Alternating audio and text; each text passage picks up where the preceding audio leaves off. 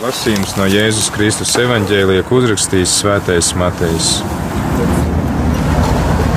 Tajā laikā Jēzus sacīja saviem mācekļiem: Ja tavs brālis sagrēkotu pret tevi, ej un aizrādi viņam, jums tikai divi tā esot.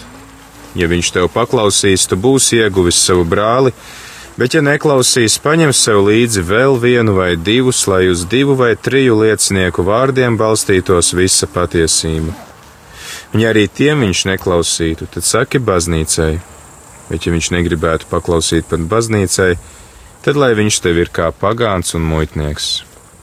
Patiesi es jums saku, ko vien jūs esat, ko, jū, ko vien jūs sasiesiet virs zemes, tas būs sasiets arī debesīs, un ko vien jūs atrēsīsiet virs zemes, tas būs atrēsīts arī debesīs. Un vēl es jums saku, Ja divi no jums virs zemes vienprātīgi kaut ko lūgs, viņi to saņems no mana tēva, kas ir debesīs. Jo kur divi vai trīs ir sapulcējušies manā vārdā, tur es esmu viņu vidū. Tie ir svēto rakstu vārdi. Slava Kristum! Tagad dosimies klusajā stundā. Mums varbūt nesanāks pilna stunda līdz pelēčiem, bet uh, varam taču šo laiku izmantot liederīgi pārlasot, pārdomājot šos vārdus, ko esam dzirdējuši, un pārdomāt, kā mēs reaģējam kaut kādās situācijās, kad redzam citu kļūdas, kā mēs izvēlamies risināt kaut kādas konflikta situācijas. Um, ja mēs to cenšamies izdarīt sākotnēji saviem spēkiem, vai mēs ejam uzreiz pie kaut kādām augstākām instancēm, tad arī varam pārdomāt, kas ir tie mūsu muitnieki un pagāni cilvēki, kurus mēs neuzskatām par sava loka, teiksim, pārstāvjiem, kas pārstāv kādu citu sociālo burbuli. Un kādas ir manas attiecības ar šiem cilvēkiem.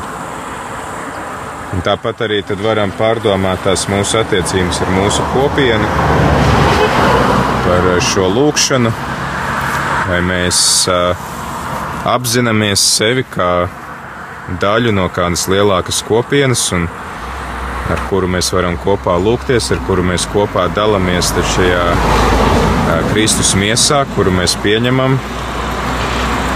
Un kādas tad ir tās attiecības ar tiem, kas ir mūsu kopienā iekšā? Konkrēti baznīca vispār, vai draudzene, lūkšana grupa, būt šajā grupā, tad vai, vai es izjūtu šo piederību visiem cilvēkiem, varbūt arī šeit man ir kāds, kas ir kā pagāns un muitnieks, tad vai arī varam pārlasīt tās pārdomas, ko šodien mieram tu ir publicējis, kas ir citāts no svētā Jāņa Krizustama. Tad krusts karoks var iet pa priekšu